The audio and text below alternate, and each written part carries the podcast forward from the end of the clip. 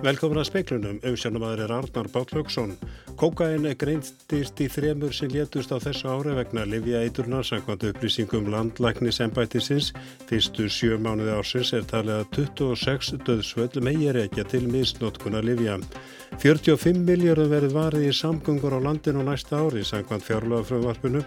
27 miljardar að fara í viðhald og framkvæmdur á vegum framlög til málaflóksins aukast um fjóra og halvan miljard milli ára. Mat stjórnvalda er að með innheimtu veggjaldar sé hægt að flýta vegafrangvændum umtalsvert upp að gjaldana hefur ekki verið ákveðin en rættir um að þau fara ekki yfir 200 krónu fyrir hverja ferð. Danskur verðlauna kóri er þessa dagana á tónleikaferðarlegum Ísland. Kórin syngur ritmiska samtíma tónlist í nýjum og skapandi ratt útsetningum. Íslensku söngvari er í kórtum. Hann segir að kórin sé 21. aldar kór. Og það er fátt örugt í breskun stjórnmálum þessa dagana. Algjör óvisa er um bæði brexit og komandi kostningar. Við segjum frá því í speiklunum. Talið er að reykja megi 26 döðsföll frá áspyrjun til júli loka til minnst notkuna Livja. Kókaini grindist í þremur hinn að látnu. Þordís Arljósdóttir. Svala Jóhannesdóttir verkefnistýra heilbriðsjónustu verkefnisins Frú Ragnæðar sem Rauðikrossin rekur fyrir heimilislaus og virka vímuefnaneitundur sagði í hátegisfréttum að þau erðu vörfið mikla aukningu í kókaineislu og að það væru nokkur döðsföll á þessu ári sem tengt væru kókaineislu. Þetta staðfestir ennbætti landlæknis. Það heldur dánarmeina skrá, þar með talda skrá yfir livja tengt andlát.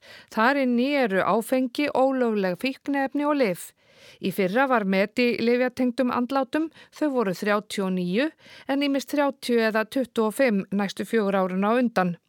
39 er endanlegt tala, það er dánaróksökin er afdráttarlaust livjatengt. Hins vegar var talan 55 döðsvöll áður en búið var að greina hana endanlega. Nú eru 26 andlát til skoðunar í janúar til júli sem talið er að séu livjatengt. Með að við síðast ár gæti talan lækkað fyrir þessa fyrstu sjö mánuði. Af þessum 26 greindist kókain í þremur þeirra. Meðalaldur þeirra sem letust í fyrra af ofnæslu var 42 ár, 6 fóru yngre en 25 ára. Lögreglu og totlaifurvöld hafa lagt hald á 200 kíló af fíknefnum á árinu. Hlutfall kókains í þeim er meira en áður og það er sterkara. Á landsbítalunum sjást líka merkjum meiri kókaineislu að þeir framkom í máli yfirlæknis bráðalækninga á spítalanum í speiklinum á mánudaginn.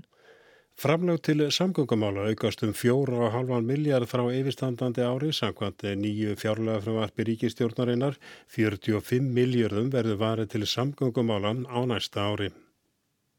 Hildarútgjöld ríkisins samkvæmt fjárlega frumvarfi ársins 2020 verða rúmlega 1000 miljardar. Þaraf fara ríflega 73,5 miljardar til samgöngu og sveitarstjórnaráðunitisins eða um 7,5%. Ráðuneytið byrtir á vef sínum útlistun og áherslum ráð þeirra í fjárlega frumvarpinu. Framlög til samgöngumála aukast um 11% á milli ára eða um 4,5 miljard. Alls á að verja 45 miljardum í málaflokkin á næsta ári. Af þessum rúmlega 45 miljardum fara 27 í nýframkvæmdir á vegum og brínt viðhald. 6 miljardar fara í vegaþjónustu, í að bregðast við aukinni umferð, hálkuvarnir, snjómokstur, merkingar og fleira. Önnur verkefni sem fá 12 miljardar eru til dæmis framkvæmdir við vita og hafnir, viðhald á flugvöllum og almenningssamgöngur. Meðal þeirra þingmála sem Sigurður Ingi Jóhansson, samgöngu og sveitarstjórnar á þeirra ætlar að leggja fram á næsta þingi er frumvarpum innheimtu veggjalda til þess að fjármagna tiltekna vegkabla þjóðvega. Þá á að auka heimildir engafyrirtækja til þess að framkvæma og fjármagna tiltekna kabla á þjóðvegum landsins og þau að einnig að geta innheimt veggjald vegna framkvæmdana. Sunna Valgeradóttir saði frá. Formaður sambandsflokksins í færium hefur fengið frest til morguns til að mynda nýja ríkistjórn eða stjórn viðraðum hans við fólkaflokkin og miðflokkin laug seint í gerkvöld án árangus. Samkvæmt færiskum fjölmiðlum var góður gangur í viðræðum forsvarsmanna flokkana í gær. Haft var eftir Bárði á Steig Nílsen, formanni sambandsflokksins, að líkast til næðist samkominlag um nýjan stjórnarsáttmála í síðasta lagi í dag. En viðræðum lauk í 11 letið í gerkvöld og engin fundur hefur verið haldinn í dag. Borður hefði að óbreyttu átt að skila stjórnarmyndunar umbóðinu í dag. Poll á eh, reynatúku, formaður legþingsins, félst hins vegar á að veitónum frekari frest. Hann þarf að greina formanninum frá gangi viðræðina strax í fyrramálið. Umbóðið er ekki bundið við að sambandsflokkurinn myndi stjórn með fólkaflokknum og miðflokknum þannig að Bárður Nílsen getur rætt við formen annara flokka. Hann vildi í dag ekki greina fjölmiðlum frá ástæðum þess að samningar náðust ekki í gær. Nýkjörið lagþing kemur saman til síns fyrsta fundar á laugardag. Áskýr Tómasson saði frá. Kauptilbóði eiguna Vigur í Ísafjörðardjúpi hefur verið samþygt að kaupandinn er Gísli Jónsson. Hann vil ekki gefa verðið en segist ætla að virða byggð og starfsemi sem þar sé. Vigur hefur verið til sölu í rúmt ár. Áhugi á að kaupa eiguna hefur aðalega komið erlendis frá. Tilbóð frá erlendu manni í eiguna var dreyið tilbaka í lók júli vegna regluna um sóttkví og einangrun gælutýra við komu til landsins. Þá var opna fyrir tilbóð á ný. Í ágúst sagði Davíð Ólafsson fastegnarsali að lámars tilbóð væri 330 miljónir króna. Ekki fast uppgefið hversu hátt kauptilbóð gísla er. Davíð saði í samtali við fréttastofi í dag að þó að tilbóð hefði verið samþygt sé enn mikill áhugi á einni erlendis frá. Gísli staðfesti í samtali við fréttastofu að tilbóð hans í vegur hefði verið samþygt. Hann tók þó fram að ekki veri neitt frágengið í kaupunum. Hann segist ætla að vera með ferðarþjónustu eins og verið hefur og segist alltaf virða það sem fyrir er og byggja ofan á það. Vigur er einn þryggja eiga í Ísafjörðatjúpi. Lengi vel var búskapur í einni en undanfærin ár hefur ferðarþjónusta tekið við. Þá eru hlunindi af æðavarpi. Eian hefur verið kölluð Perlan í djúpinu. Bjarni Rúnarsson saði frá. Líf, líftækni fyrirtæki Genis á Siglufrið þróan og lifið tíðaverkjum. Það er unnið úr rækjuskjel sem framleitir í bænum. Forstjóri fyrirtækisins segir og snemt að segja til um með hvena lifið koma markað en er mjög bjassinn á virkni þess.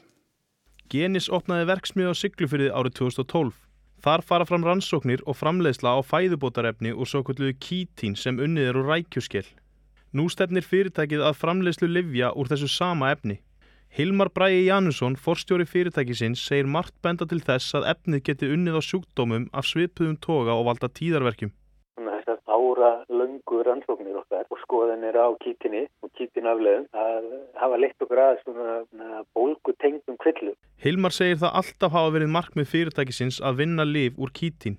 Hann segir erfitt að segja til um hvenna lifi geti komið á markað en rannsóknir á livjum geta tekið nokkur ár að, að ef við náum í gegn uh, svona klínistri niðurstöðu sem er jákvæð fyrir tíðaverkina að þá eftir það geta komið á markað á tildulara.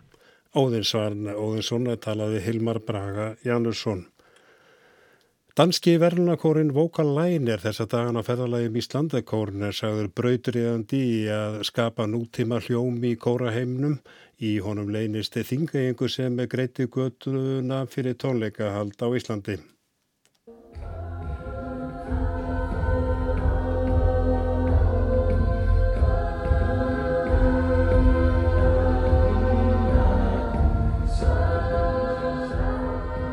svona, já, eins og þú segir, þetta er alveg rétt að segja svona kór hljóð 2001. aldarinnar að fara inn í annan, annan heimslið, inn, inn í kórageiranum sko. Segir Gunnar Sigfússon sem er einn af rúmlega 30 söngurum í Vocal Line kórnum frá Danmörku. Gunnar er fættur og uppalinn á laugum í Reykjadal en hefur búið ytra í 6 ár og sungið með kórnum í fjögur ár. Kóren stiðst ekki við undirspil heldur mynda rattir kórfélaga víðan og tilkomu mikinn hljóðheim. Kóren samanstendur af áhuga fólki um kórsöng sem flestir hafa tónlist af aðalstarfi. Á efniskaráni er meðal annars að finna lög eftir íslenska höfunda. Það er ekki kannski beint af því að ég er með kórnum þannig síðan en það er samt búið að vera á stefniskárunum mjög lengi að fara til Íslands sko. Þannig að ég held að það hafi haft áhrif á lagavalið að svona ok, við, við viljum fara til Íslands og það er gaman að komast að því hvað er að gerast í tónlistarheiminum á Íslandi sko.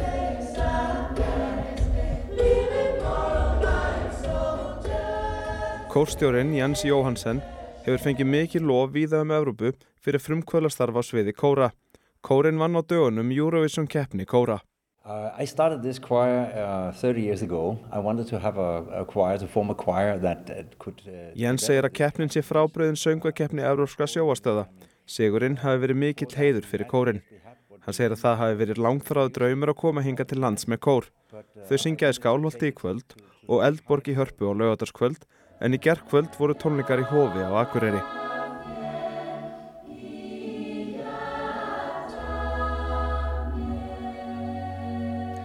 Og það var Bjarni Rúnarsson sem tók þennan pistil saman.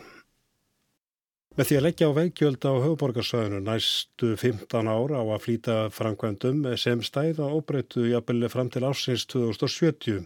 Samkvæmt heimildum speilsins er rætt um að hámarskjaldi verð ekki yfir 200 krónum fyrir hverja ferð. Svona fréttin í þessu tillögum er að það veriðist svo vera eftir allan hann ágræning sem verið á þennu pólitíska sviði um einhver sérstök vegjum til þess að flýta og hraða uppbyggingu samgóðum kjærfisins. Um það verðist vera á þeim fer pólitísk sátt. Þar sem að áttaka í raun aftur að stjórnmálaflokka likur að baki þeirri vinnu sem samgóngur á þeirra er núna að, að komin á lokastími og var að kynna fyrir okkur í gerð. Saði Jón Gunnarsson að þingmaður sjálfstæðisflokksins og fyrirverandi samgöngur á þeirra í hátíðisfréttum í dag. Þetta er ekki í fyrsta sinn sem veggjöld eru nefnd til að flýta framkvæmdum. Jón Gunnarsson, þá samgöngur á þeirra, létt gera úttekt á mögulegum veggjöldum til að standundi framkvæmdum á suðvesturhortinum og forveri hans í starfi Kristján Möller var líka með veggjöld á sínu borði. Nú verist hins vegar að hafa nást þverrpolítísk sátt. Sigur Ingi Jóhansson að samgöngur á þeirra kynnti snemma í gerðmorgun hvernig áallega er að staði verða framkvæmdum á höfuborgarsvæðinum á næstu 15 árum. Eftir þann fund var búist við að bóðað yrði til blagamannafundar setnum daginn og kynnt undirskrifa samkómlag sveitarfélagan og ríkisins. Ekkert var þó úr því. Eftir fundar á þeirra með sveitarstjórnarmönnum kynnti hann stjórnarflokkunum þremur málið á einum fundi. Þar koma fram með ymsar aðtóðsendur en þó ekki þess eðlis að þingmenn væri á móti áformánum. Þingmenn vildu nánari skýringar á því meðal annars hvernig þessi áform rýmuð við samgöngu áallun sem samþygt var í februar. Einni vildu þeir fá nánari skýringar á því hvernig innhemdu veggjalda yrði hátað. Þetta varð til þess að ráð þeirra taldi vantarlega ekki rétt að kynna fjölumilum máli strax. Nú er gert ráð fyrir að pakkin verði formlega kynntur og undirrituður á allra næstu dögum. Eins og framkomi fréttum rúi gæri er gert ráð fyrir að 125 miljónu króna verði varðið til vegamál á höfuborgarsvæðinum á næstu 15 árum eða til ásins 2033. Af þessu fara 70 miljardar króna í að leggja borgarlínum, jáfnframt verði farið í ímsar aðrar vegafrængvandir, til dæmi skattnamáti bústaðavegar og reikjarnisbröytar sem eiga hefjast 2021. Í heldarpakkanum er þið hlutur sveitarfélagana á höfuborgarsvæðinu um 15 miljardar krónan og ríkisins um 50 miljardar. Ríkið stefnir að því að selja Kjeldnalandi til að afla fjár til framkvæmdana með veggjöldum á einhemta 60 miljardar krón á næstu 15 árum. Í áformum sveitarfélagana og ríkisins er ekki talað um veggjöld, heldur flíti og umferðagjöld. Eftir því sem næst verið komist er verið að tala um tildúlega lágjöld sem eru innhemd á helstu stoppbrautum með rafrænum hætti og færu bæði eftir umferðar álægi á hverjum tíma og axtus lengt. Þau erðu herra og há annað tíma og lægra á öðrum. Það er verið að tala um gjald sem gæti verið allt einir í 60 krónur. Þó að þerrpolitísk sátt hafi nást meðal sveitarafélagana og stjórnarflokkana er næsta vísta tekist veður á um málu þegar að gemur að því að leggja fram endun í aða samgöngu áallun. Ímsir hafa líst yfir anstöðu veggjöld, ekki sér rétt að leggja enn eitt skattin á landsmenn. Normin hafa innheimti veggjöldum ára bil á síðustu árum hefur anstæðan þar aukist í síðustu sveitastjórnarkostningum buðu fram flokkar sem sérstaklega voru stopnaði til að draga úr innheimtu veggjaldan. Þessi flokkar fengur talsveit fylgi en þessi líka geta græningar sem stiðja veggjöld út frá umhverju sjónaviðum unnu líka á. Ímsum finnst að stjórnveldi Nóri hafi farið offar í innheimtunni, gjöldin séu íþingjandi verið þá sem lagstar hafa tekjurnar og þurfa að fara til vinnu í bíl.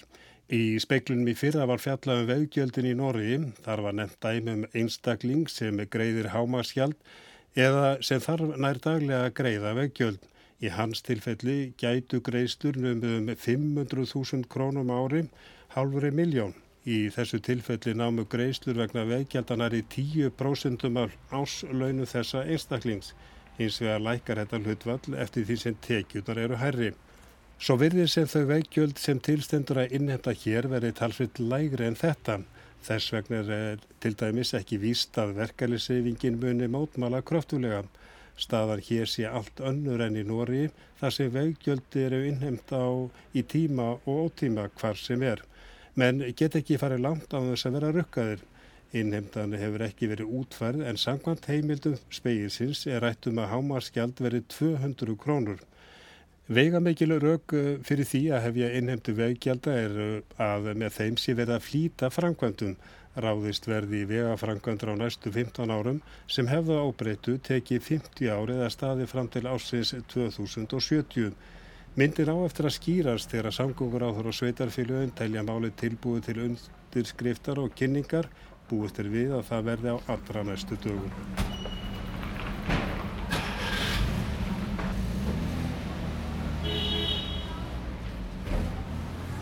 Og þá farum til Svíþjóðar. Húsnæðiskortur er í fjórum að hverjum fimm sveitarfjölum í Svíþjóð. Í starri borgum landsins er ekki óalgengt að fólk býði áratug eða lengur eftir leigusamningi. Stórir alþjóðlegir fjárfestingastjóður sjá tækifæri í stöðunni og hafa keift eh, fjöldanleigu íbúða sem áður voru í eigu hins ofenbera. Kári Kilvarsson í Gautaborgu tekur við.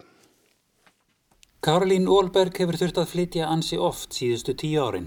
Hún er 28 ára gömul einstæð móðir sem er með fasta vinnu á veitingastadi í höfuðborginni Stokkólmi. En þar er ekki auðvelt að þá íbúð þótt hún hafi verið á byggðlista eftir leigu íbúð frá því að hún varð 18 ára.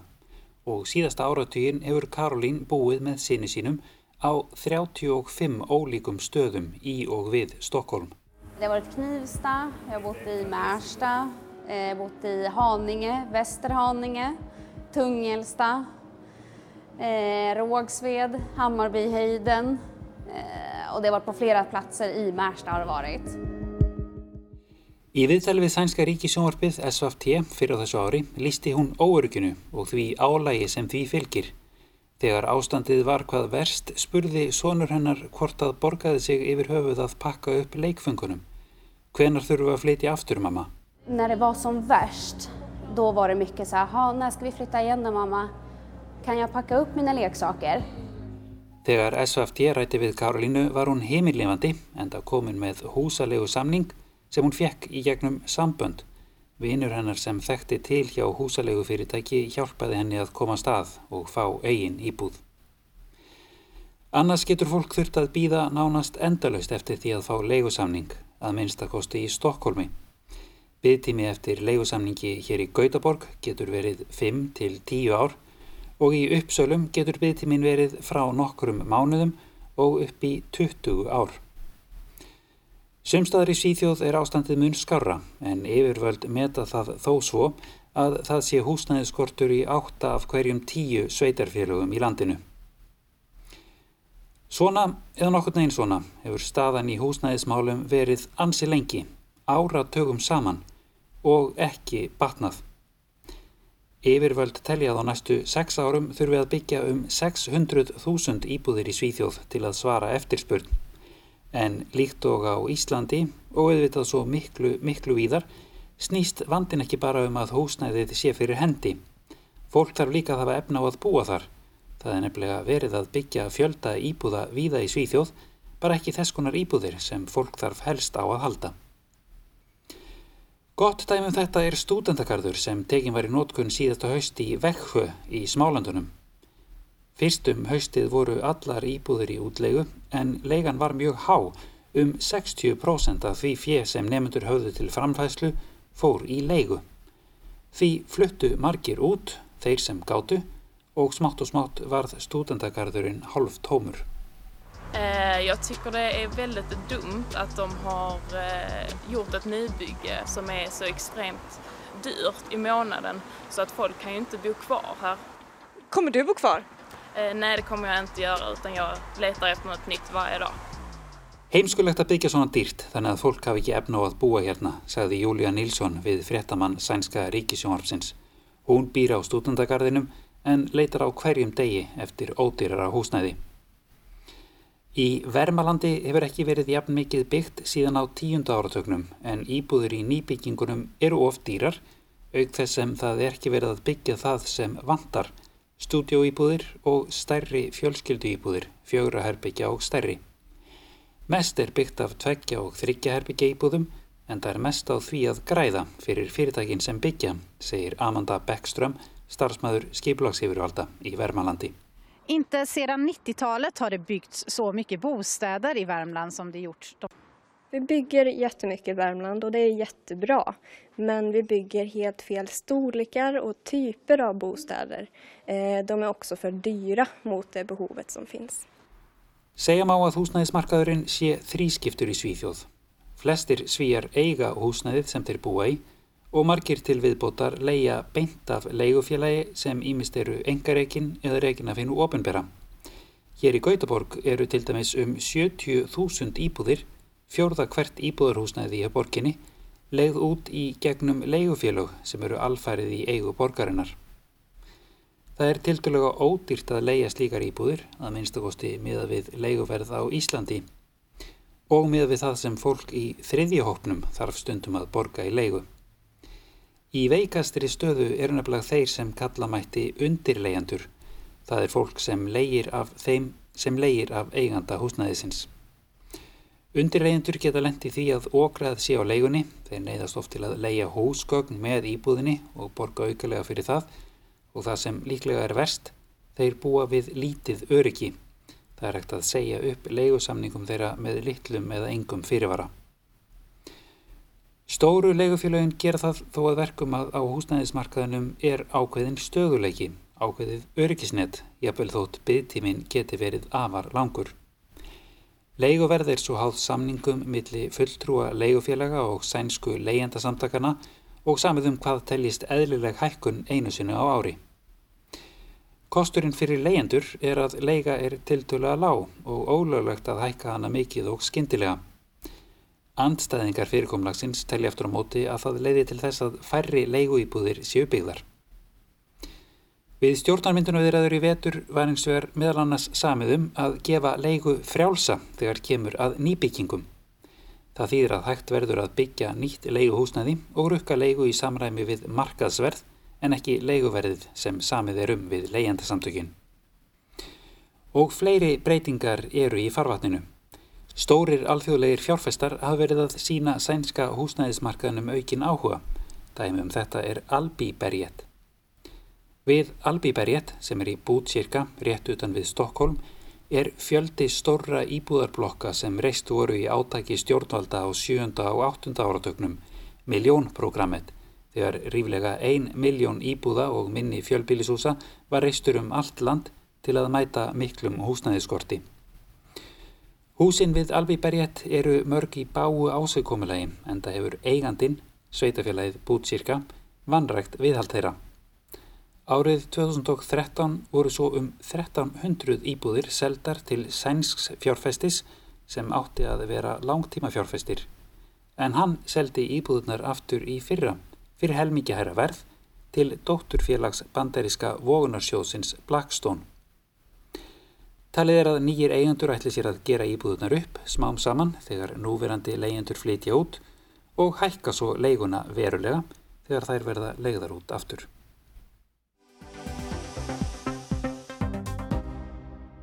Uppistand og óvenjulegar uppákomur hafa verið daglegt brauð í breska þinginu undanfarið. Svo eru það dómsmál um heimild forsættist ára til að senda þingið heim. Og það stefnir í kostningar. Ríkistjórn í Íarsflokksins hefur mistið þingmeru hlutan og þá að hluta tökin á framvindunni. Óljóst er hver græður og hver tapar á óreðinni. Brexit verður líkil atrið í komandi kostningum og því mikið undir því komið hvort stjórnin getur snúið brexit sögunni sér í hag. Þegar fórsætsráð þeirra vil efna til þingkostninga hefur hann venilega tök á því, en nei, ekki Breitlandi. Fórsætisráð þeirra án þingmer hluta getur hvorki ákveðið hvernig og hvenar breytar yfirgefi Evrópusambandið, nýje hvena verði kosið. Hér ríkir því kostningabaráta án dagsetningar. Það eru merkilegi tímar. Eftir um tvo mánuði í dáningsstræti hefur Boris Johnson fórsætsráð þeirra tapað í öllum atkvæðagreislum í þinginu sem skiptu máli, alls sexinum. Til samanburðar, Margaret Thatcher varð fjórum sinnum undir í þinginu á sínum 11 valda árum, Tony Blair fjórum sinnum á 10 árum. Nýjasti vandin eru svo dómsmál um þá ákvarðun fórsætsráð þeirra að senda þingið heim. Þinglið er fastur liður fyrir stefnuræðu fórsatsráðra en það er ekki fastur liður að senda þingið heim í fimm vikur. Forsætsráð þeirra þvertekur fyrir að þinglið sé til að hindra þingumræður um brexit. Það gefist nógu tími. Og þá einnig ef honum takist að semja upp og nýtt við Evropasambandið um útgöngu. Sitt síndist hverjum og tvö mál voru höfðuð í Skotlandi og Englandi. Enski dómurinn segir þetta pólitíska ákvörðun og því ekki verka ring dómsins. Skoski dómurinn taldi hins vegar fórsatsráð þeirra hafa sendt þingið heim á fölskum fórsendum. Á næstunni mun hæstiréttur hveð upp sinn úrskurð. Jáfnvel þó dómur falli gegn stjórninni og þinglið teljist ólögmætt er ekki þar með sagt að fórsatsráðara verði skikkar til að kalla þingi aftur saman. Af því Boris Johnson varð fórsatsráðara við mannaskiptifloknum og ekki eftir kostningasegur hafa kostningar verið rættar síðan að kom til valda. Það virtist augljóst að íharslokkurinn gæti ekki lagt í kostningar nema að koma Brexit fyrst frá annars myndi Brexit-flokkur Nigel Farage malan. Til að tryggja nú Brexit reyndi fórsætsræður að fá þingið til að samþykja kostningar um miðjan oktober, hugðist þannig fá stuðning þjóðarna til útgöngu sama hvernig. Stjórnaranstand taldi þetta bellibrað til að koma Brexit í kring jafnvel án samnings. Hún hafði því í gegn lög sem fresta Brexit fram í janúarlog verði ekki samið. Reyndar þarf ESB að samþykja frestun önnur saga. Johnson er nú í leit að sigursögu fyrir kostningarnar. Ef hann hefur ekki Brexit sigursöguna, þá sem bjargvætturinn í stríði við þingið sem skellir skottleirum við Brexit vilja þjóðarinnar. Hann hamrar nú á tvennu að hann ætli að semja við Evropasambandið um útgöngu þó hann ræðist ekki samningsleysi, ella samningurð ekki og þrátt fyrir lög, útgangan verði í lok oktober og hann byrði ESB alls, alls ekki um frest. Spurningin er hvernig hann ætlar að koma þessu heim og saman. Segir hann af sér ef ekki hefur samist um íðan oktobera því hann vilja ekki krjúpa fyrir ESB. Vandin er að þá missir hann öll tök á brexit framvundunni þó hann gæti kannski í kostningabartunni slegið sér til rittara fyrir staðfestuna. Þetta gæti þó styrt hættulegast anstæðingin brexitflokkin. Farage býður Johnson ákaflega í kostningabandalag sem fórsætsræðra hefur hingað til hafnað staðfastlega. Hvað er þið eftir kostningar er annað mál en slíkt samkrull ofbýður bæði harðakjarna íhalsflokksins en Johnson gerir sér svo dælt við svo ekki sér talað um hófsamari íhalsmenn. Ef nú Johnson næði samningi við ESB gæti hann upplifað þrengingar forvera síns Theresa May. Hennar samningur fjall kvorki í kramið hjá Brexit sinnum nýja ESB sinna þingmunum sem feldan þrísvar. Þingheimur er þó kannski orðin brexit þreyttur og samningsfúsar en áður. Með samningi fást tvö ár til að semja um framtíðarsambandi við ESB sem breytar eru þá samhliða þann tíma. Þó ekki á vísan að róa, þingheimur er í uppreysnarham. Í yfirstandandi hremmingum getur Johnson glatt sig við að skoðanakannanir sína stöðut forskot íhalsflokksins á verkamannflokkin. En kjósundir eru óstöðulindir, skoðanakannanir ótröstar og alls óvist að íhalsflokkurinn næði meira hluta þó hann fengi flest atkvæði. Einmitt af því kostningar mun ekki endilega skýrar brexit-línurnar er afturfarða ræða aðra þjóðaratkvæðagreðslu en einn breytan í pólitíska púsluspilinu hér. Kostningabaráttan mörguð brexit-umræðinni mun verða eitilhörð og útkoman óljós. Líkt og dagsetning kostningana. Sigrun Davíðsdóttir staði frá og það var allra helst í speiklunum í kvöld að kókaini greindist í þremur sem létust á þessu ári vegna Livjaeiturnar sangkvæmt upplýsingum með landlæknis ennbætisins fyrstu sjö mánuði ársins er talið að 26 döðsföll meir ekki til mittsnótkunar Livja. 45 miljónu verður varið til í samgöngur á landinum á næsta ári sangkvæmt fjárlagafröðvarpunum. Mat stjórnvalda er að með innheimtu veggjalda sé að flýta vegafrænkvæmdum umtalsvert. Upp að gjaldana hefur ekki verið ákveðin en rættir um að þau fara ekki verið 200 krónur fyrir staka ferð. Það er ekki mikið meira í speilum um kvöld, við vitum kannski til veður, suðvestana 3-10 metrar á sekund og 8-15 á morgun, víða skúrir eða þurft og bjart norðaustan og austalands á morgun, hiti 5-12 stig yfir daginn. En það kom lokum hjá okkur, David Benson var tæknum var í kvöld, er þið sæl.